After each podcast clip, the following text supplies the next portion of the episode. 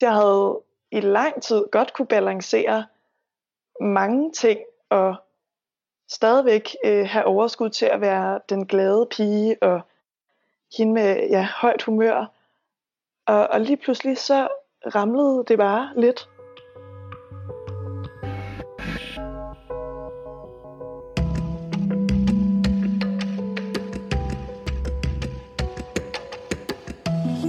Corona har udløst en verdensomspændende krise. Men selvom denne her virus har alvorlige konsekvenser for mange mennesker, så er en krise også en mulighed for udvikling. Selvom kritikere tror, at vi efter krisen vil vende tilbage til den samme livsstil som før med alt, hvad den indebar af stress, forbrug og dårlige vaner, så er jeg nysgerrig på, om de livsstilsændringer, som nedlukningen af samfundet åbnede op for, kan blomstre videre. I denne her podcastserie taler jeg derfor med mennesker, som har brugt corona som anledning til at genoverveje deres liv.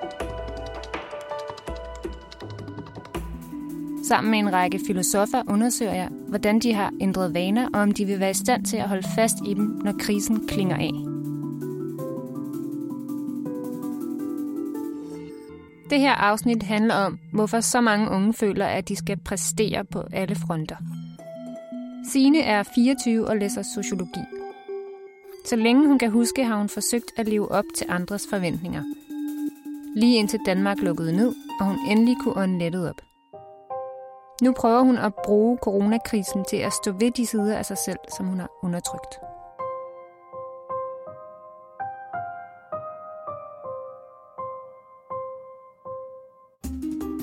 Jeg hedder Nina Brander. Velkommen til podcasten Corona Eksistens.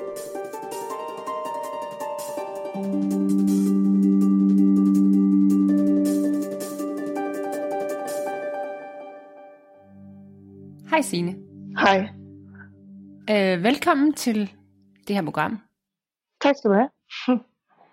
jeg har glædet mig til at snakke med dig, øh, og jeg ved, at det at være med i det her program er for dig, øh, har du fortalt mig, også en måde at på en måde at bearbejde, og også lidt at stå frem med nogle af de ting, du har, du har opdaget om dig selv øh, på grund af corona. Så øh, det skal vi prøve at gøre sammen. Mm, ja. Og jeg vil godt begynde med øh, det, som på en måde er omdrejningspunktet for programmet, som jo er 11. marts i, øh, i år, hvor Mette Frederiksen siger, nu lukker Danmark simpelthen ned. Øh, fordi jeg ved, at det var lidt en særlig oplevelse for dig lige præcis det moment. Øh, hvor var du henne, da du får den besked? Jamen, jeg øh, sidder i min lejlighed på Frederiksberg i min stue sammen med min kæreste.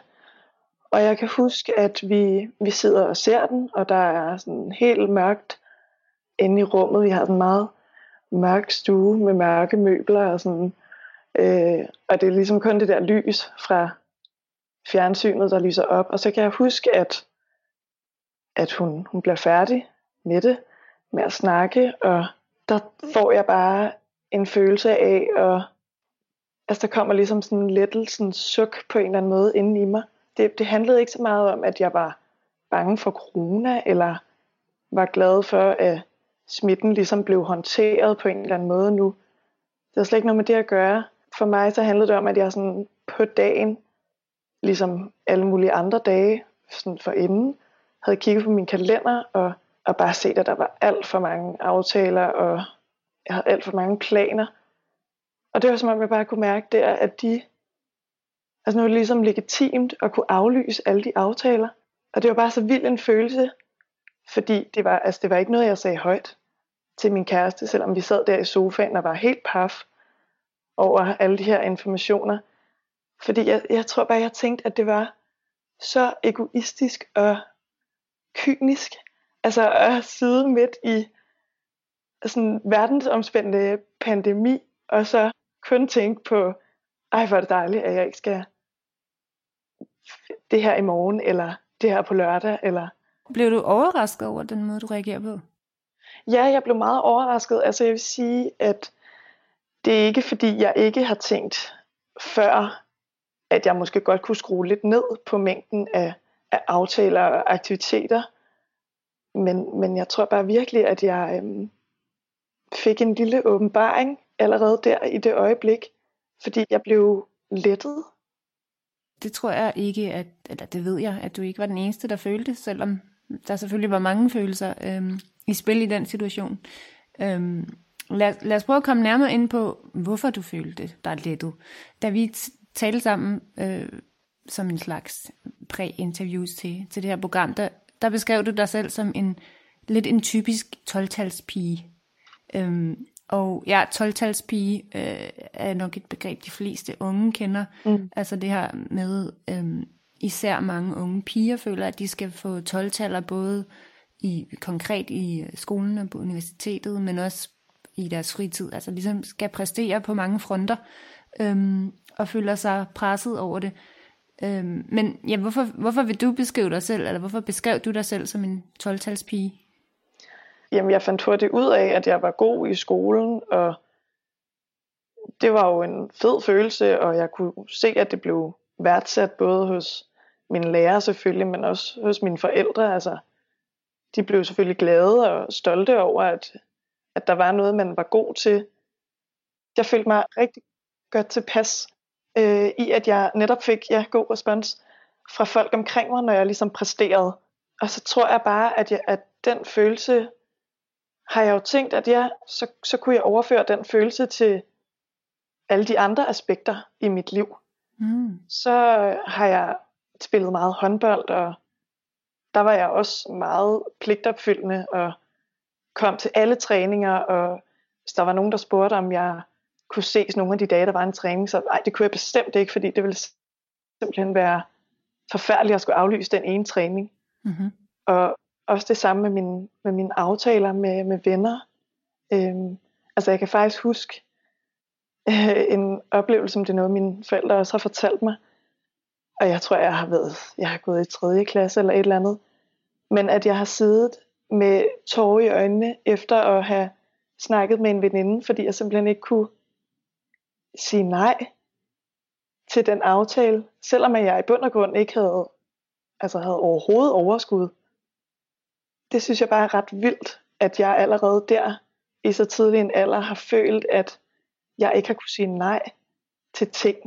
Var det første gang der, du siger med din veninde i 3. klasse, eller er der andre eksempler, du kan huske, hvor du følte dig presset?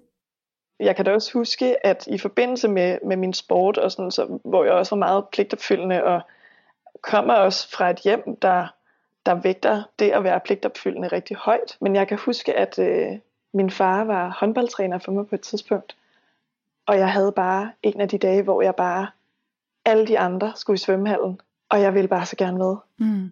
Og jeg kunne bare ikke få mig selv til at sige det. Og til sidst så, så ringer jeg til min far, også næsten grædende, og siger, jeg vil bare så gerne med i svømmehallen med mine venner. Og det kunne han bare ikke forstå. Det kunne han ikke. Og jeg kunne ikke forstå, at han ikke kunne forstå det der kan jeg faktisk virkelig huske, at jeg følte et decideret pres over at skulle præstere i den sammenhæng, der hed håndbold. Og når jeg jo i forvejen følte, at jeg præsterede på alle andre punkter i mit liv, selvom jeg ikke har været så gammel, så, så tror jeg bare, at jeg tænkte, hvor er min, min frihed? Det har jeg nok ikke tænkt på det tidspunkt, men hvor, altså... Du har følt det? Ja, det har jeg. Det har jeg virkelig. Det har været ret tydeligt, at du har du har opdaget, at du har været god i skolen, og det var noget, der kom naturligt. Øhm, og så er du ligesom blevet mm, den der, ja. der var god til ting, og, øhm, og man kunne, den pige, ja. man kunne regne med, og sådan noget. Ja, øhm, ja. ja, så kommer du i gymnasiet, og øh, et stykke tid efter det, så kommer du på universitetet, du læser sociologi. Der tænker jeg, at du stadig ligesom har samme tilgang til tingene, og, men universitetet er jo virkelig noget helt andet end gymnasiet. Der er jo ja. endnu flere krav. Øhm, så hvordan, hvordan reagerer du, da du starter på universitetet? Alle, alle de forventninger, jeg ligesom også følte, der var, da jeg gik på gymnasiet og øh, havde håndbold og job og kæreste og venner ved siden af, og skolen selvfølgelig, der havde jeg på en eller anden måde formået at balancere det hele. Øh, og jeg skal ikke kunne sige, om det også handler om, at skolen så heller ikke fyldte lige så meget, som den gør, når man kommer på universitetet, fordi det var jo så virkelig det, der ramte mig, at, at det pres derfra var enormt, følte jeg. Øh, og dem, der sad omkring mig, var dedikeret og engageret, og, og det, det, var jeg, det var jo også den tilgang, jeg kom ind med det, men det kunne jeg bare virkelig mærke. Og hvad, hvad, hvad kunne du mærke? Hvad var det for nogle bestemte ting? Var det, var det mængden af arbejde, eller var det hele det der engagement, hvor der ikke var plads til at, at, at lige slække lidt, eller hvad var det helt konkret? Der bliver jo fra start af sat mange krav for de undervisere, der er derinde. Øh, og selvfølgelig fordi, at de er super dedikerede til det, de laver. Øh, så håber de jo også på, at det er noget, vi bliver. Og samtidig så var der slet ikke den her snak om, den synes jeg i hvert fald kom meget sent, den er jo så heldigvis kommet, men den her snak om at skulle kunne være et menneske ud over og ikke at læse alle tekster eller komme til alle forelæsninger og altså der gik lang tid før der ligesom blev åbnet op for den her snak, følte jeg i hvert fald. Altså imellem de studerende? Ja, lige præcis, imellem de studerende. Det tror jeg virkelig, at jeg godt kunne have haft brug for, øh, at der blev åbnet op for lidt før. Men, men jeg turde jo heller ikke selv at starte snakken, fordi så var det jo mig, der var den, der ikke kunne klare presset. Og jeg så mega meget op til de her mennesker, som hurtigt meldte sig ind i udvalgene, og som kunne øh, klare alle de her forskellige ting, både med at skulle ja, have job ved siden af, for det er man jo også nødt til, når man bor i København med de her høje øh, priser på husleje. Det kunne jeg jo ligesom se for mig, at, at det godt kunne lade sig gøre. Og så tænkte jeg også, jamen det, det burde jeg jo også kunne. Selvfølgelig burde jeg det. Jeg burde da næsten kunne mere end det. Jeg burde da også have et frivilligt job. Jeg burde da også, altså alt muligt. Og det, det kunne jeg jo ikke. øhm, fordi jeg finder jo så også ud af, efter et par måneder, at jeg begynder at få det dårligt.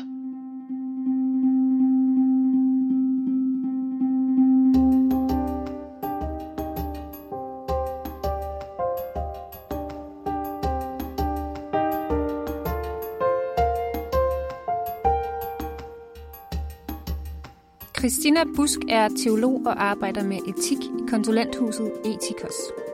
Jeg har talt med hende om det præstationspres, mange unge føler, og om hvor begrebet 12-talspige egentlig kommer fra.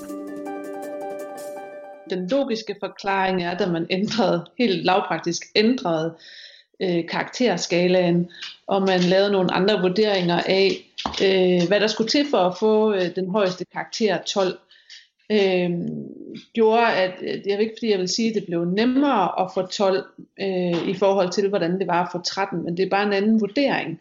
Og det vil sige, at 12-talerne blev også flere, og det vil sige, at man ligesom hele tiden kunne bestræbe sig, og kan bestræbe sig på at få 12, og opfylder man alle kravene til en eksamen, så får man 12. Og det vil sige, at det er noget, der er, man kan efterstræbe, alle kan efterstræbe det, hvorimod i gamle dage, da vi havde 13 øh, skalaen, hvor 13 var sådan for den virkelig ekstraordinære indsats. Så det er sådan helt lavpraktisk, at, at det er klart, at når den højeste karakter pludselig bliver en mulighed for et, bredere felt, så vil der også være mange flere, der, øh, der jagter det. Og den filosofiske er jo drømmen om, om potentialet, altså ens eget potentiale, og jagte det. Og så selvfølgelig også drømmen om at, at, at kunne være øh, perfekt og fordi der også i de her 12 jo ligger en mulighed for, at alle muligheder står åbne for en, for ens fremtid. Men jo meget, altså 12-tals pige, pigebegrebet bruger vi jo nu sådan i samfundet som om, om de piger, som, som hele tiden gør sig ekstremt umage for at være rigtige og for at være perfekte, og hele tiden gøre det mere end godt nok. På den måde kan man måske sige, at altså, den praktiske grund til 12-tals øh, pigebegrebet og den filosofiske grund faktisk også hænger sammen eller overlapper, fordi jeg er for eksempel selv gammel nok til at kunne huske, øh, til, altså jeg havde også øh, gik i skole under 13-talsskalaen, og 13 det var virkelig noget, man sjældent fik, og jeg, tror, jeg oplevede det heller ikke som om, det var egentlig noget, man stræbte efter på den måde. Altså fordi det var jo uopnåeligt for langt de fleste af os, ikke? Og, og når man fik det, så var det jo virkelig også, fordi man måske havde en helt ekstraordinær viden, eller en helt ekstraordinær indsigt i et emne, man virkelig havde fordybet sig i, så man kunne noget, der lå langt ud over pensum for eksempel, ikke? Men der var det jo logisk for os alle sammen, at det kunne vi jo ikke med alle fag. Så ja, jeg tror, at den hænger sammen, og så hænger den, så hænger den jo selvfølgelig sådan også samfundsudvikling sammen med, at at vi efterstræber det, det, det perfekte.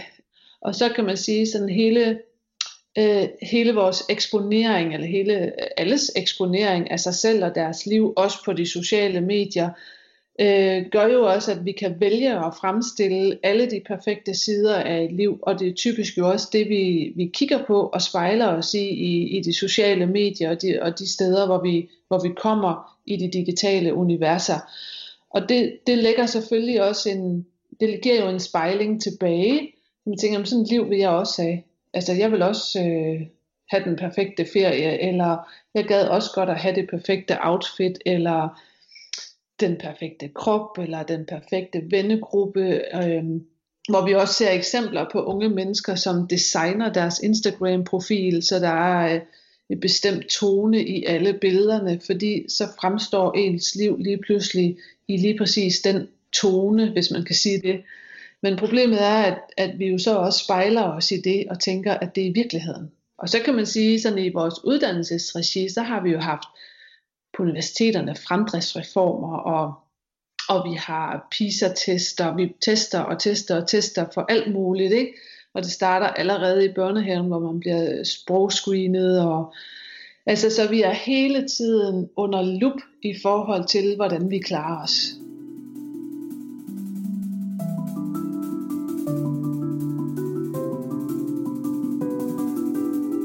Efter kort tid på første semester på sociologi, begynder det pres, som Sine føler at vise sig fysisk. Og en morgen, hvor hun er på vej til forelæsning, kulminerer det for hende.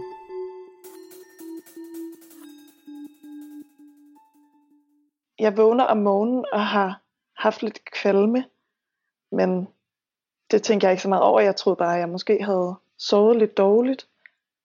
Og så øh, kommer jeg hen til universitetet og stiller min cykel. Og så kan jeg bare mærke, at der er et eller andet, der rammer mig. Jeg får det i hvert fald virkelig dårligt. Øh, altså hjertebanken, åndenød, og det var, det var en helt almindelig dag, ligesom så mange andre, en tirsdag eller et eller andet, og jeg skulle bare hen og have forelæsning. Men får det så dårligt og sidder ude foran på en bænk, og sådan på det tidspunkt gik jeg på studiet sammen med, med en veninde fra min gymnasietid, og ringer til hende og siger, at du er simpelthen nødt til at komme ud til mig, jeg har det så dårligt, at jeg kan ikke finde ud af, hvad det er. Og hun kommer ud og og vi får ligesom sat os et sted, hvor der ikke er så mange mennesker, og så får hun mig, hjælper mig med at ringe til min læge.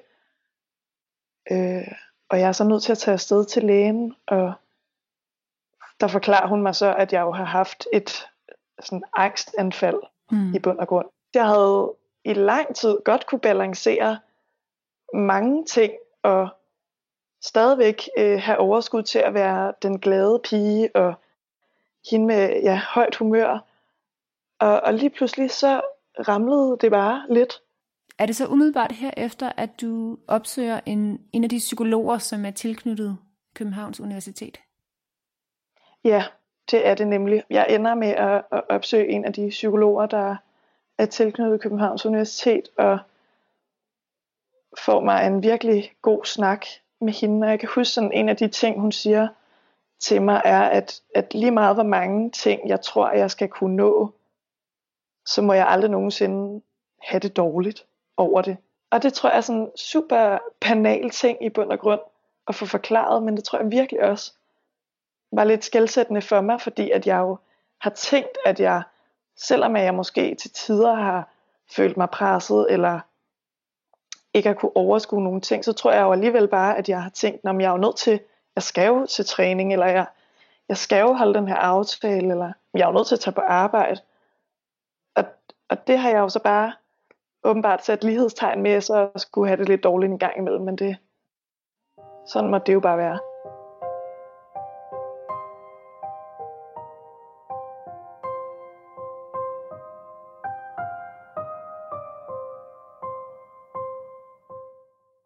Hvor realistisk er det, at man, at man har det her perfekte liv, og man, øh, altså man opnår alle de her ting? Fordi på den ene side kan man jo sige, altså det der ikke er realistisk for et menneske at opnå 12 øh, i alting, i alle aspekter, men på den anden side har vi jo mange flere muligheder end nogensinde. Øhm, ja, og det er jo også et å, man bærer med sig, og specielt tror jeg, øh, unge mennesker øh, bærer det her mulighedernes å med sig, hvilket jo er et paradoks, øh, kan man sige. Hvor, hvor fantastisk er det ikke, at vi har alle de her muligheder, vores børn og unge mennesker har alle de her muligheder, altså hvem kunne drømme om andet, men samtidig så bliver mulighederne jo et å, fordi når jeg har så mange muligheder, så bliver det også lige pludselig meget mere vanskeligt at skulle træffe et valg. Fordi hvis jeg hele tiden kunne have gjort noget andet, så kan jeg jo også hele tiden komme i tvivl, er det så det rigtige, jeg har gjort? Hvorimod hvis man kun havde haft tre valgmuligheder, jamen, så var valget jo også lidt mere simpelt. Og så kan man jo stå og synes, at det kan være øh, næsten forkælet, øh, altså fordi, hvor fantastisk at have alle de her muligheder, og så bliver vi alligevel triste og kede af det, eller, eller ramt af det. Men det er jo en unfair betragtning, fordi der er ikke nogen, der har bedt om alle de muligheder, men de er der jo bare.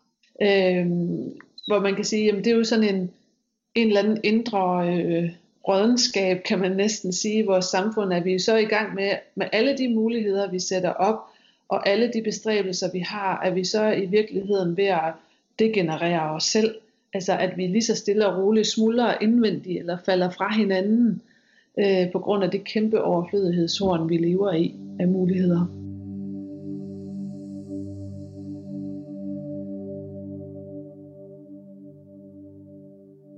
Hvis du skal prøve at sætte flere ord på, hvor det her pres kommer fra, fordi øh, altså, du, nu har du forklaret, for dig startede det egentlig ret tidligt, og det kom på sin, på sin vis også naturligt, øh, fordi du netop var god i skolen. Så det var naturligt for dig at, ligesom at, at dyrke det med at mm. være dygtig. Øhm, men hvor, altså, kommer det kun indenfra, eller? Jeg har virkelig øh, svært ved at regne det ud. Øh, som sagt, så har jeg nogle forældre, der altid har vægtet det at være øh, pligtopfyldende og punktlig højt. Men, men det har ikke været fordi, at, at de på nogen måde har presset mig til at skulle gøre alle de ting, jeg gjorde. Der har aldrig været nogen andre, der ligesom har i talsat det for mig. I hvert fald ikke af mine nærmeste. Så på en eller anden måde har jeg jo bare en følelse indeni af, at jeg vil være bange for ikke at opfylde deres behov eller krav, om man vil, til at være en god ven eller en god kæreste.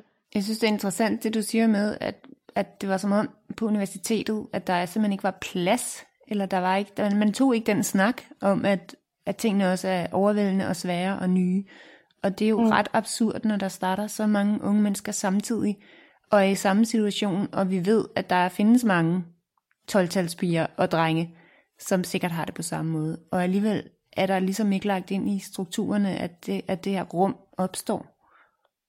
Nej, det er så absurd. Jeg, jeg forstår det heller ikke selv, men, men, men jeg var jo heller ikke selv en af dem, der tog snakken op blandt de øh, piger, jeg nu lige snakkede med. Jeg tror faktisk først, at, at det var noget, jeg, øh, jeg fortalte om efter min oplevelse der foran universitetet. Fordi der var jeg ligesom nødt til at skulle forklare mig, følte jeg. Og så fandt jeg jo ud af, at de andre også havde det på samme måde. Så, men det lyder som om, det så har hjulpet lidt, altså at du har fået lidt mere normalt forhold til øhm, altså det her enorme pres. Øhm, og alligevel, da corona så rammer, der under du alligevel også lettet op igen. Jeg tror helt sikkert, at efter min oplevelse på universitetet, der øh, skruede jeg helt sikkert ned for nogle knapper i forhold til studiet. Men derudover har jeg jo så alligevel følt, at jeg stadigvæk har skulle øh, opfylde en masse krav om at skulle... Øh, altså jeg meldte mig faktisk også ind i øh, vores festudvalg efterfølgende, fordi jeg stadigvæk havde en følelse om, at jeg ikke altså bidragede nok. Så det var ikke lige klaret med et enkelt angstanfald og en snak med en psykolog? det, var, det var rigtig godt for mig at indse, at mit studiemiljø til at starte med ikke var sundt. Men det der pres fra mit indre pres i forhold til venner og arbejdelighed også, det, det har stadigvæk forfulgt mig på en eller anden måde. Hvilket så gør, at jeg der den 11. marts kan sige, hold op, hvor er det dejligt, at jeg ikke lige skal tænke på det de næste to uger. Og så bliver det jo som bekendt 6-7 uger, og ikke kun to uger, at, at Danmark er lukket ned. Så prøv ja. at beskrive, var det en følelse, der fortsatte den her følelse af, at jeg kunne ånde op? Ja, det var det helt sikkert. Jeg, øh, jeg havde det så fint med, at, øh, at den blev forlænget perioden. Og igen den der ambivalente følelse af hele tiden at føle sig så egoistisk anlagt, at man kun sidder og tænker på sine egne behov, frem for altså hele verdens behov lige nu. Det var sådan en meget sådan ubehagelig tanke for mig, fordi at jeg, ja, jeg havde det jo fint med, at, at tingene blev håndteret og sådan noget, men det jeg jo egentlig bare havde det allerbedst med, var, at jeg bare kunne sidde hjemme i min sofa og have en forelæsning en gang imellem online, og, og så ellers bare være mig. Jeg kan ikke huske, hvornår jeg har været alene i så mange timer af gangen nogensinde. Og, og det blev jeg jo så virkelig overrasket over, at det var noget, der faktisk tiltalte mig.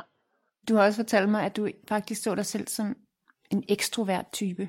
Ja. Øhm, og det er du blevet usikker på, om du egentlig er. Og det er meget sjovt, fordi på DR er der også blevet lavet en stor undersøgelse af, øh, hvad, eller sådan en uvidenskabelig undersøgelse af, hvad, hvad folk har fået ud af lockdown-perioden. Og der er ret mange mennesker, der har sagt, nu var det endelig okay at være introvert. Selvom at det jo ikke er sådan helt definerbart, at man kan være det ene eller det andet, så tror jeg bare virkelig, at der er mange af de ting, som beskriver det at være introvert, der øh, beskrev min tilstand meget godt under lockdown. Når jeg tænker tilbage på det, så, så har jeg egentlig været ekstremt træt, efter at jeg har været social. Altså jeg simpelthen bare haft brug for at komme hjem og ligge i min seng. Og det, øh, det tror jeg heller ikke, at jeg har haft tænkt, når jeg har snakket med mine forældre om det, fordi det var ligesom nogle af dem, min familie har altid været meget åben, så dem åbnede jeg hurtigt op øh, omkring de her følelser. Og der forklarede de jo også, at jamen, når jeg kom hjem fra skole, eller hjem fra at have været sammen med mine venner, så gik jeg jo også direkte ned på mit værelse. Altså jeg har aldrig været typen, der havde brug for at skulle sidde og snakke til aftensmaden, eller altså have samværet ud over med min familie, fordi jeg har været fyldt op, og det har jeg aldrig tænkt over. Ifølge Christina Busk er inddelinger i typer som introvert og ekstrovert en illusion.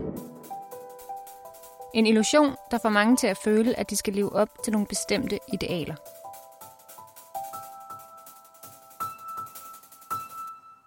Vores identitet betyder utrolig meget øh, for os. Øh, og vi identificerer os selv med alle mulige markører hele tiden. Og derfor lige pludselig, når en dag, at, at den identitet, vi faktisk ikke kan leve op til den identitet, vi har bygget op for os selv, for det er jo noget, vi bygger op, øh, så kan vi ende ligesom sige at blive utrolig overrasket over, at det stilas, jeg har bygget op, jamen det, var, det holdt ikke. Øh, fordi jeg har bygget stilas op omkring mig selv med aktiviteter, jeg deltager i, og rigtige valg og rigtige beslutninger, jeg har truffet, og som Signe også beskriver, enormt pligtopfyldende, og egentlig altid gør det rigtige. Øh, og, så, og så en dag, så falder det alligevel fra hinanden, fordi måske stilaset ikke har været bygget op helt indefra, men også er bygget op af nogle ydre forventninger. Og der kan man sige, der har vi jo sådan en tendens til også at vil ja, vil typologisere hinanden. Ikke? Altså, hvad er det for en type, du er? Du er den type, og jeg er den her type. Og den her type gør de her bestemte ting, og en anden type gør nogle andre bestemte ting.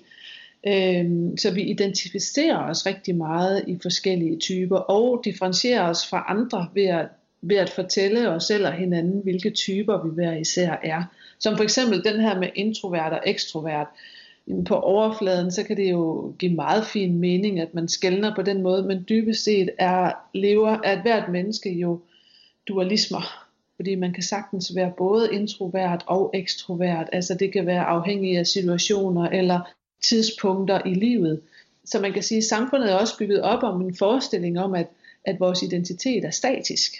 Det er den ikke. Den er jo ekstremt dynamisk og hele tiden påvirkelig et menneske rummer mange sider. Man kan både være, være god, men man kan også være ond. Altså man kan være sød, men man kan også være led. Det der også kan være svært for nogle mennesker at acceptere, det er, at den dualisme rent faktisk findes. Det gør jo også op med den her perfekthedskultur, at det er vi ikke, fordi vi er et både og igennem hele livet. Sine taler jo om, at hun har lidt svært ved at sige til sine øh, venner, hvad det egentlig er, hun har oplevet under, under den her coronakrise, øhm, at hun ikke nødvendigvis er den her ekstroverte, glade pige altid. Øh, så det virker som om, hun egentlig tænker mere på, hvad de andre øh, synes om hende, at hun så ikke passer ind i den identitet, hun har fået bygget op. Så det har vel også at gøre med, hvordan man tænker omverdenen ser en. Der kan man jo blive bange for, at man skuffer en lang række mennesker, fordi at man i virkeligheden jo har bygget sin identitet op for deres skyld. Og så kan jeg godt forstå, at Signe står i en situation, i virkeligheden bliver det sådan nærmest en, det siger hun ikke selv, men en, en eksistentiel situation, hun kommer til at havne i, en lille, en lille bitte eksistentiel krise, ikke? fordi hvem er jeg nu? Og hvad nu hvis de andre, hvad nu hvis de ikke kan lide mig i den her udgave? Signe siger også, og det er noget, jeg har lagt mærke til med flere mennesker, som jeg har interviewet til, til det her program, at de siger, at det, der kommer et pres, og så spørger jeg, hvor kommer det fra? Det kommer indenfra, siger de så tit. Er det i virkeligheden et udefrakommende pres, som man simpelthen har gjort til sit eget? Måske er det, er det Sines øh, rigtige jeg, hvis der findes sådan et, men et mere ægte jeg, der presser sig på indefra, der siger, hey, hallo, øh, Sine, du har glemt mig. Jeg er her faktisk også, altså den introverte side, og, og nogle andre sider af hende, der måske ikke er pligtopfyldende, eller måske er mere doven, eller mere... Altså, så det kan godt være et pres indefra, at der er simpelthen nogle sider, der ikke har fået lov til at fylde noget hos hende de fleste føler det nok som, at, at øh, Gud kan nu, kan jeg nu leve op til det her, og hvad tænker de andre, og man oplever, at det er nogle tanker, man har selv.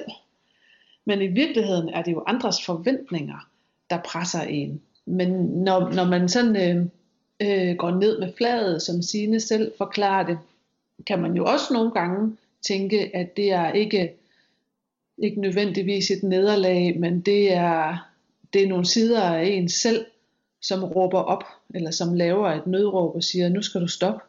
Prøv lige at stoppe og, og, og tænk over, hvem du egentlig er. En del mennesker har haft en lignende oplevelse øh, under coronakrisen, og særligt da samfundet var lukket, fordi der var en masse strukturer, som så øh, simpelthen gik i stå jo. Øh, tror du, at vi på nogen måde kan bruge denne her situation, den her krise, til at komme videre og måske lytte mere til de her sider, som har været undertrykte?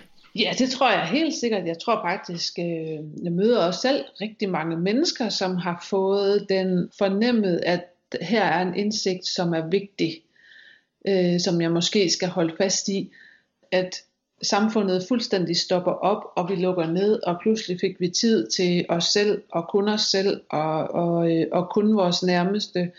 Den ro, det skabte, er jo også den ro, som vores indre selv nogle gange har brug for, for egentlig at kunne høre, hvad, hvad er egentlig særligt vigtigt, og hvad er mig, og hvad er andres forventninger. Men, men hvis roen ikke er der, kan det faktisk også være svært at høre ens egen indre stemme. Så lytter man hele tiden udad til. Og coronakrisen gjorde jo, at der var mindre at lytte til. Ikke? For mange mennesker var det jo en stille stund, hvor at der måske var nogle ting, der begyndte at tale til en, som man som man ikke havde lyttet efter før. Og der tænker jeg, at, at det kan vi jo i hvert fald øh, bruge krisen til, men det er svært, at, at samfundet skal fastholde den indsigt. Det er jo noget, den enkelte er nødt til at fastholde, fordi samfundet kører op i gear igen og fortsætter og vil fortsætte i nøjagtigt samme gear, som det var i før. Men at den enkelte måske har fået nogle indsigter, som de kan tage med sig videre. Det tror jeg bestemt, der er mange, der har. Sine er nu på femte semester på sit studie. Hun forsøger at holde fast i de indsigter, hun gjorde sig under nedlukningen. Men hun er stadig i tvivl om, om det er okay at sige højt, hvor godt hun egentlig havde det i den periode. jeg har kun sagt det til et par få, fordi der ligesom har været nogle af mine venner, jeg har vidst har haft det på samme måde. Men jeg har slet ikke sagt det til alle dem, jeg burde sige det til. Både dem, jeg studerer med, og de venner, jeg har haft fra førhen, som også har kendt mig i mange år nu, som jeg jo egentlig tænkte, at jeg burde kunne sige sådan nogle ting til. Og i bund og grund tror jeg heller ikke, at jeg har fået snakket ordentligt med min kæreste om det nu. Altså jeg har ligesom givet små hints om, at, at der jo har været nogle elementer af den her lockdown, der har været dejlig, og, og det kunne de jo også godt genkende til. At, men, men jeg tror, at det har været sådan mere formelle ting på en eller anden måde. Og, og for mig har det jo så bare virkelig handlet om, at jeg har haft det super godt med ikke at skulle kunne opfylde alle andres behov og ligesom overkomme det her samvær, som jeg hele tiden føler skal være der med de forskellige relationer, jeg nu har, men bare kunne tænke på min egen behov. Og, øhm, og det har jeg ikke tur at sige til dem ordentligt. jeg tror i hvert fald ikke, de, de forstår, hvilke følelser jeg har siddet med under den her lockdown-periode. Altså, jeg tror faktisk, at der er flere, der forstår det, end, end du forestiller dig. Fordi altså, jeg kan jo kun sige, at øhm, jeg har fået virkelig mange henvendelser af, fra folk, som gerne vil være med i den her podcast, og som har haft, det, haft lignende oplevelser. Øhm, og jeg tænker også, når du siger, at du føler dig, du følte dig egoistisk, da, over at du bare nød og blev glad for, at Mette Frederiksen sagde, at, at øh, samfundet lukkede, fordi det var jo bare dit behov, men måske, måske er det faktisk øh, mangens behov, og det er du egentlig bare et eksempel på. Har, har du tænkt på det på den måde? Øhm, nu når du stiller det op sådan der, så, øh, så tror jeg da godt, ja, at jeg kunne forestille mig, at der var flere, der sad og havde det på den måde. Men jeg tror bare, at de tanker, jeg føler, at folk har om mig, lever ligesom ikke op til den idé om, at jeg også skulle være typen, der havde det på den måde. Og, og det kan jo godt være, at jeg tager helt fejl. Det håber jeg da, jeg gør. At mine venner ikke kun tænker mig som en total ekstrovert øh, humørbombe type, der altid kan være på. Men at jo selvfølgelig har alle mennesker jo flere aspekter, og man kan jo ikke være op og køre hele tiden. øhm, men, men ja, det, øhm, det kan du da nok godt have ret i, at der er mange andre, der har det på den måde. Ja, og at problemet måske ikke ligger hos den enkelte, men, men øhm, på en mere strukturel plan. Jo, det tror jeg helt sikkert. Det tror jeg helt sikkert, at det gør. Ikke desto mindre, så øhm, hvis vi skal snakke om det her, så har vi jo brug for, at folk tør at tale om øh, de følelser, de fik under nedlukningsperioden, og øh, det har du gjort nu, og øh, nu kan dine venner i hvert fald lytte til, til det her program, og øh, så håber ja. jeg, at de, kan, at de kan føre til noget mere samtale. Ja, det håber jeg også bestemt. Det er i hvert fald også en af grundene til, at jeg, at jeg godt vil være med. Mm. Mm. Det synes jeg var sejt. Du ville tale. Selv tak.